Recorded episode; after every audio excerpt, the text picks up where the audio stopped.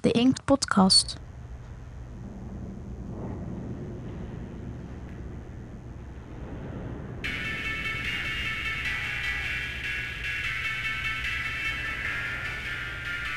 Eerste prent.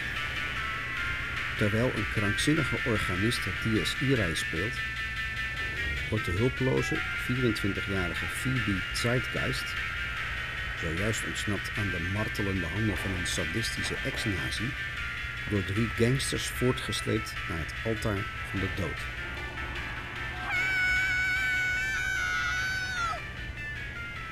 Tweede print. Stuurskijkende acolyten hullen haar witte, visblote lichaam in pikant zwart. Derde prent. Dan wordt Phoebe Zeitgeist opgebaard in een met rood fluweel gecapitoneerde sarcofaag. De hoge priester spreekt de grafrede uit. De dood brengt alle hartstocht tot rust en zuivert ziel en lichaam. Alleen in het graf worden de vrouwen, zo wulps van nature, tot waardige bruiden van de God van de dood. Is er iemand onder u die bezwaren tegen dit huwelijk koestert? Dat hij opsta en spreken.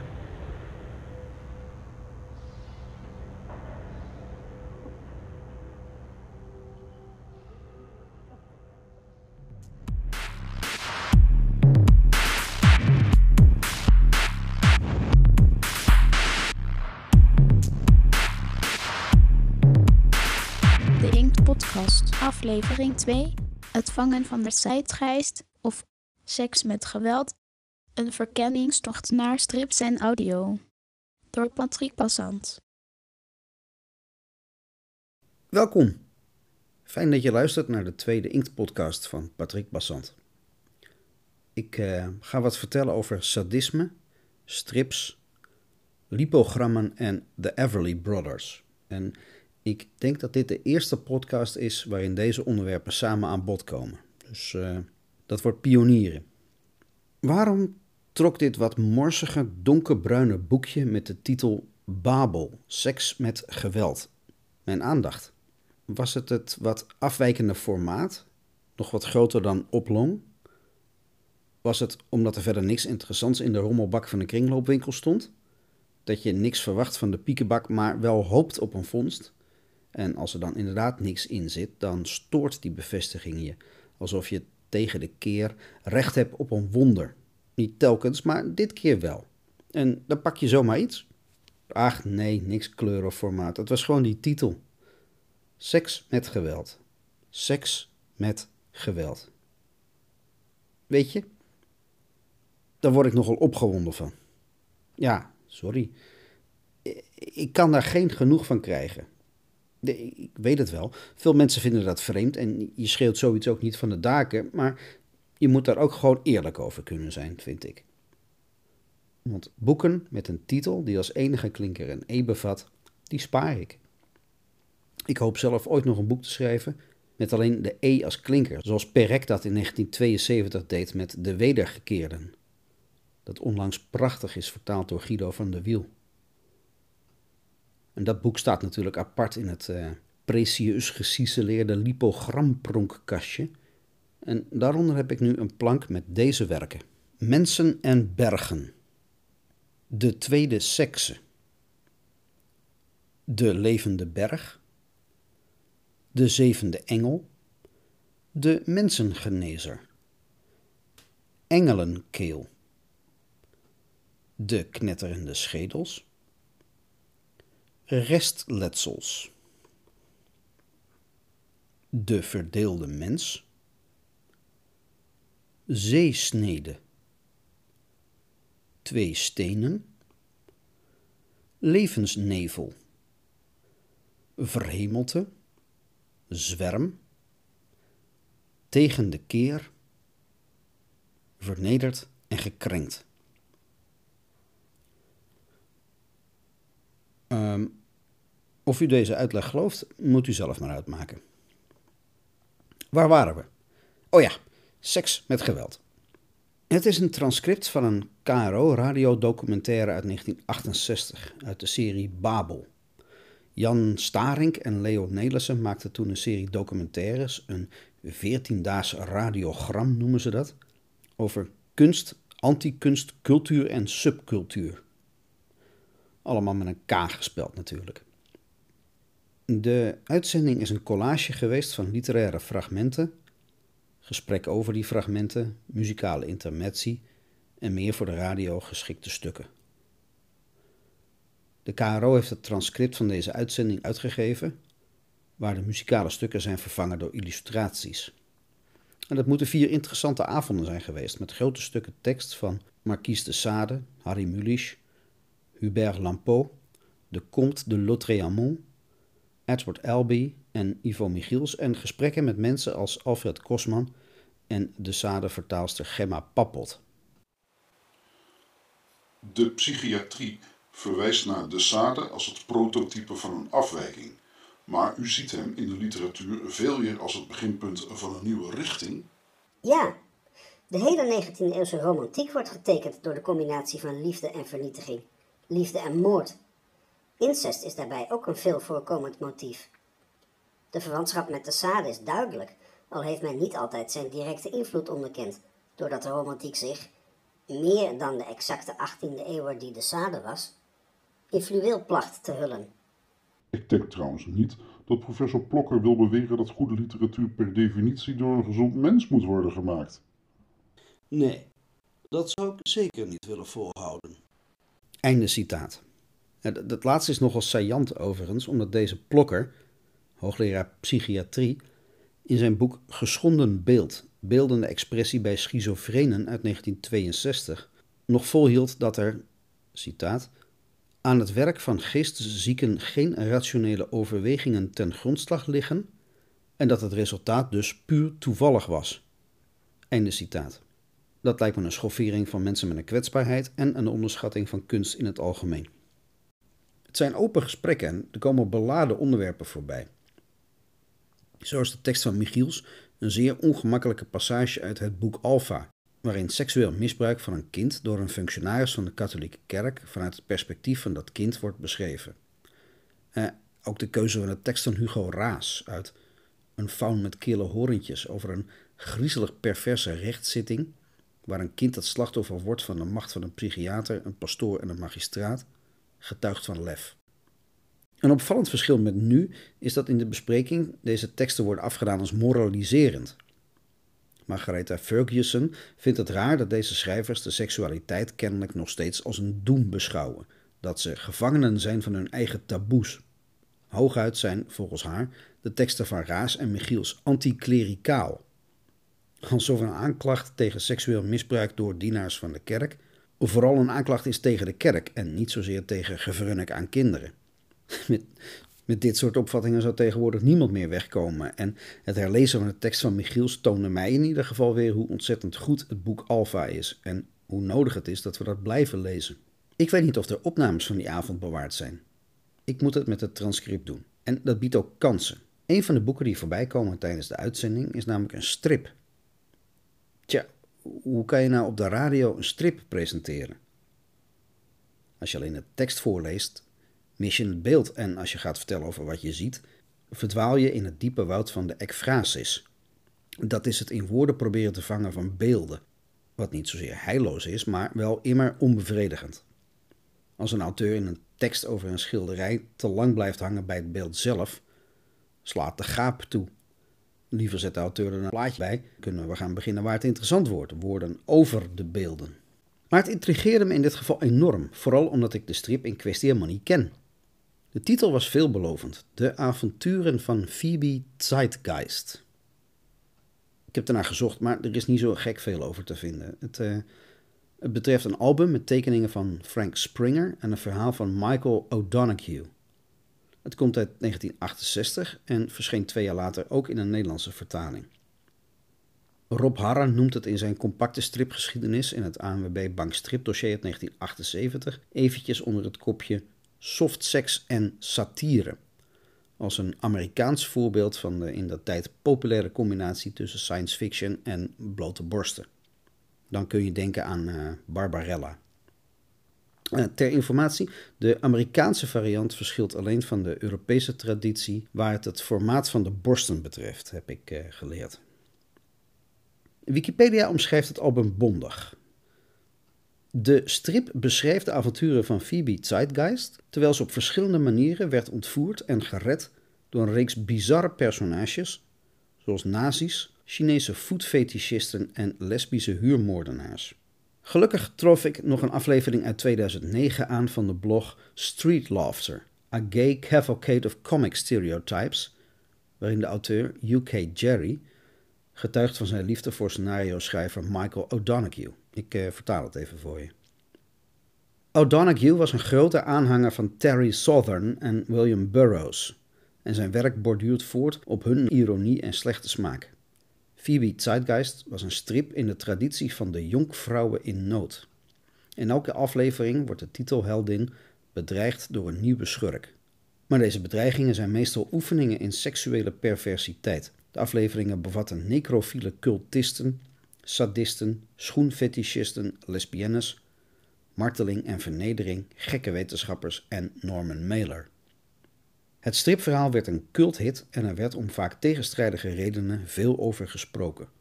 Sommigen maakten bezwaar tegen de opzettelijk provocerende inhoud, de seksuele beelden, het geweld tegen vrouwen, de racistische stereotypen.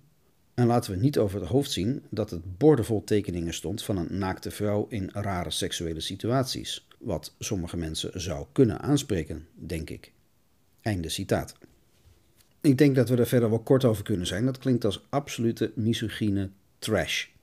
Je kan misbruik en mishandeling wel over de top proberen te voeren, maar als je een personage, dat wordt voorgesteld als intelligent, twaalf hoofdstukken lang als een seksdol zonder veel tekst of inhoud door een sadistisch universum sleept, dan ben je gewoon een varken.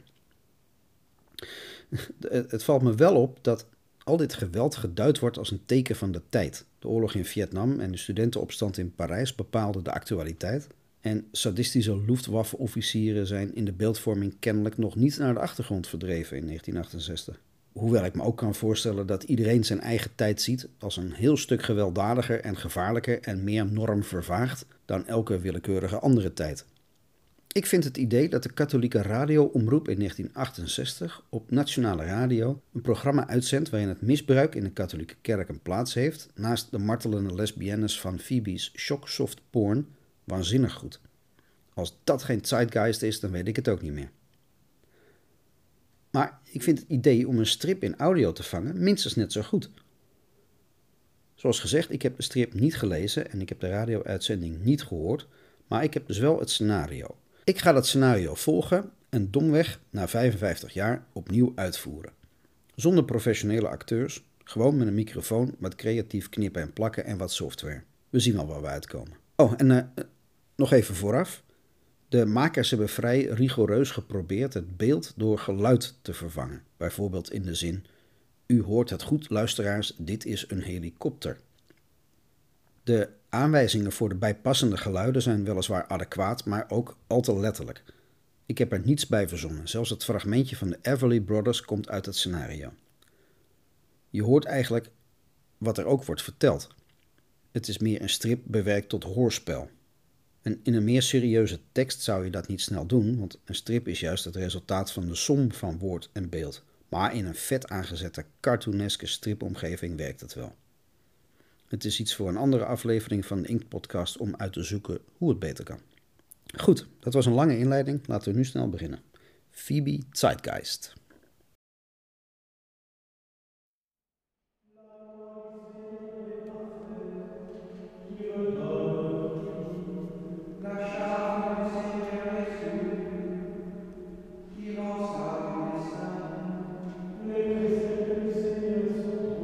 De avonturen van Phoebe Zeitgeist. Stripverhaal voor grote mensen.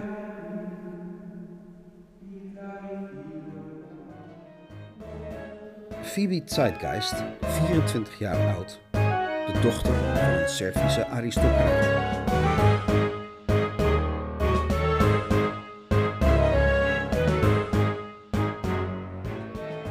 Phoebe Zeitgeist groeit op als een sneeuwklok in het uiterste noorden van Tibet. waar ze als kind het oosters worstelen onder de knie krijgt.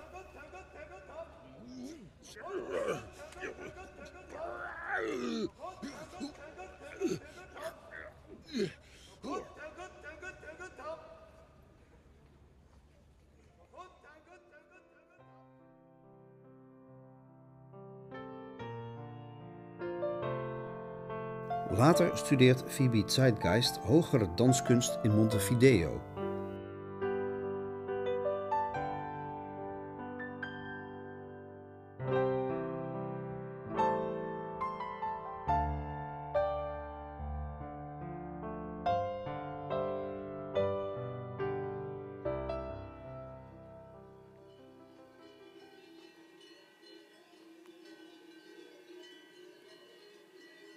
Ten slotte voltooit Phoebe Zeitgeist haar overige studies aan een Zwitsers damespensionaat.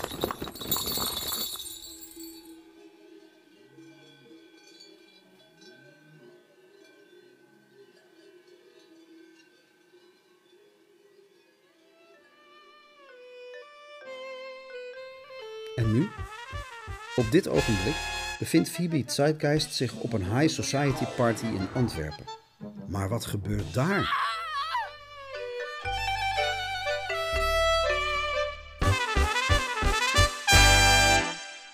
Plotseling zakt Phoebe Zeitgeist levenloos op de grond, bedwelmd door een Wiener melange waarin een loens loerende oosterling een verdovend middel heeft gedaan. Zonder dat de gasten iets merken, leggen fluweelzacht gehandschoende handen de geknakte sneeuwklok Phoebe Zeitgeist in een rieten mozesmandje en zo spoelt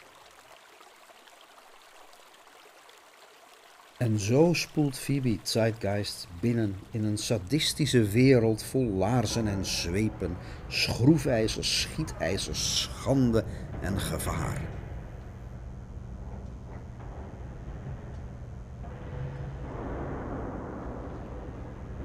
Hieruit valt een les af te leiden.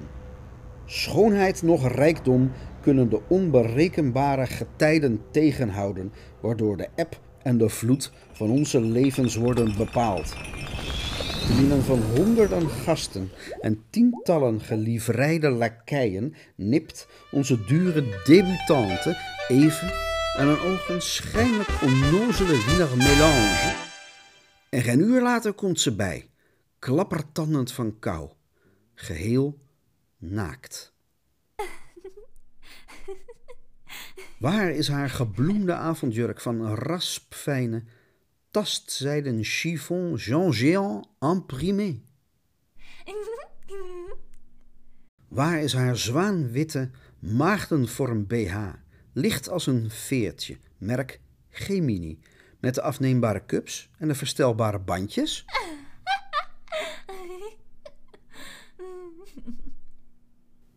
Waar is haar next to nothing slipje, klein als uw handpalm, zilt als de zeevier, uw tweede huid?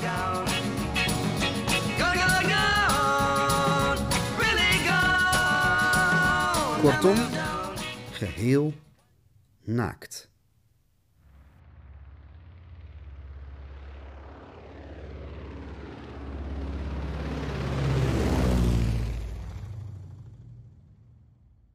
U hoort het goed, luisteraars. Dit is een helikopter. Daaraan slingert Phoebe Zeitgeist als een vis aan de haak. Haar polsen zijn samengesnoerd met een touw van 28 mm doorsnee. Het is 24 meter lang. Het is bevestigd aan het landingsgestel van genoemde helikopter.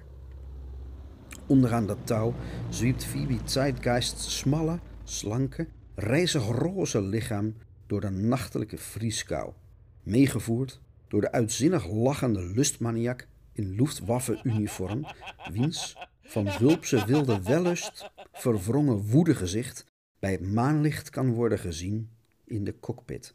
Zijn linker knook knijpt in de knakende stuurknuppel. Zijn rechter graait bezeten in het handschoenenkastje, waar hij de huigdunne vliesjes van Phoebe's tweede huidjes bewaart. Hoe loopt dit af?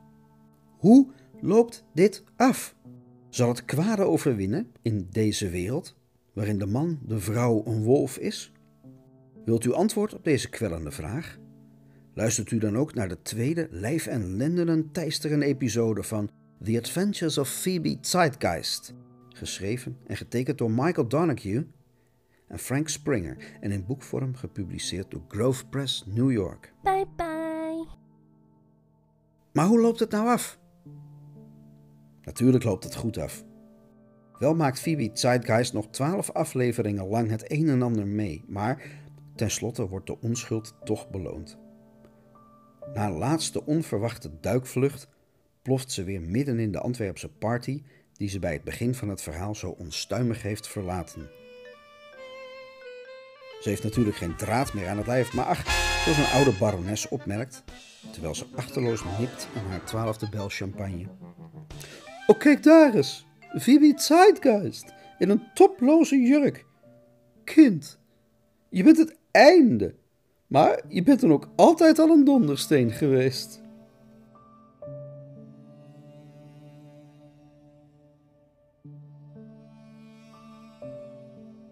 Want wie triomferen er in dit bonte verhaal vol kwelling zonder pijn, vol angst zonder dood? Law and order! Daarom staat er dan ook op de laatste pagina, gedrukt met de sterren en kleuren van de Stars and Stripes, waarheid en gerechtigheid zijn weer hersteld.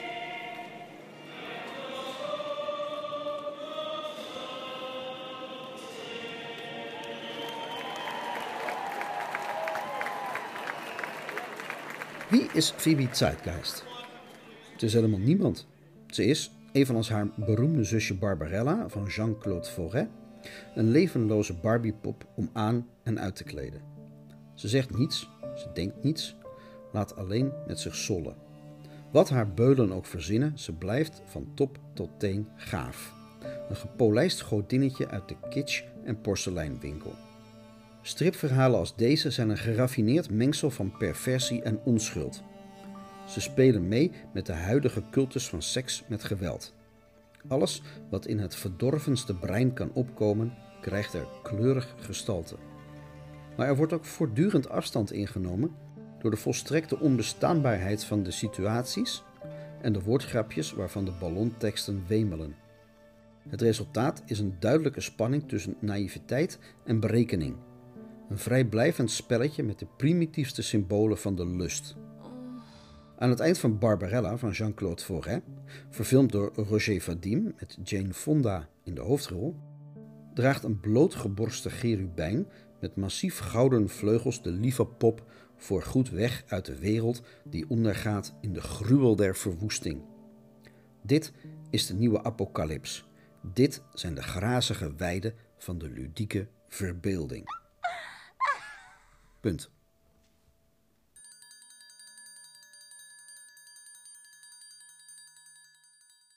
Je luisterde naar aflevering 2 van de Inkt podcast.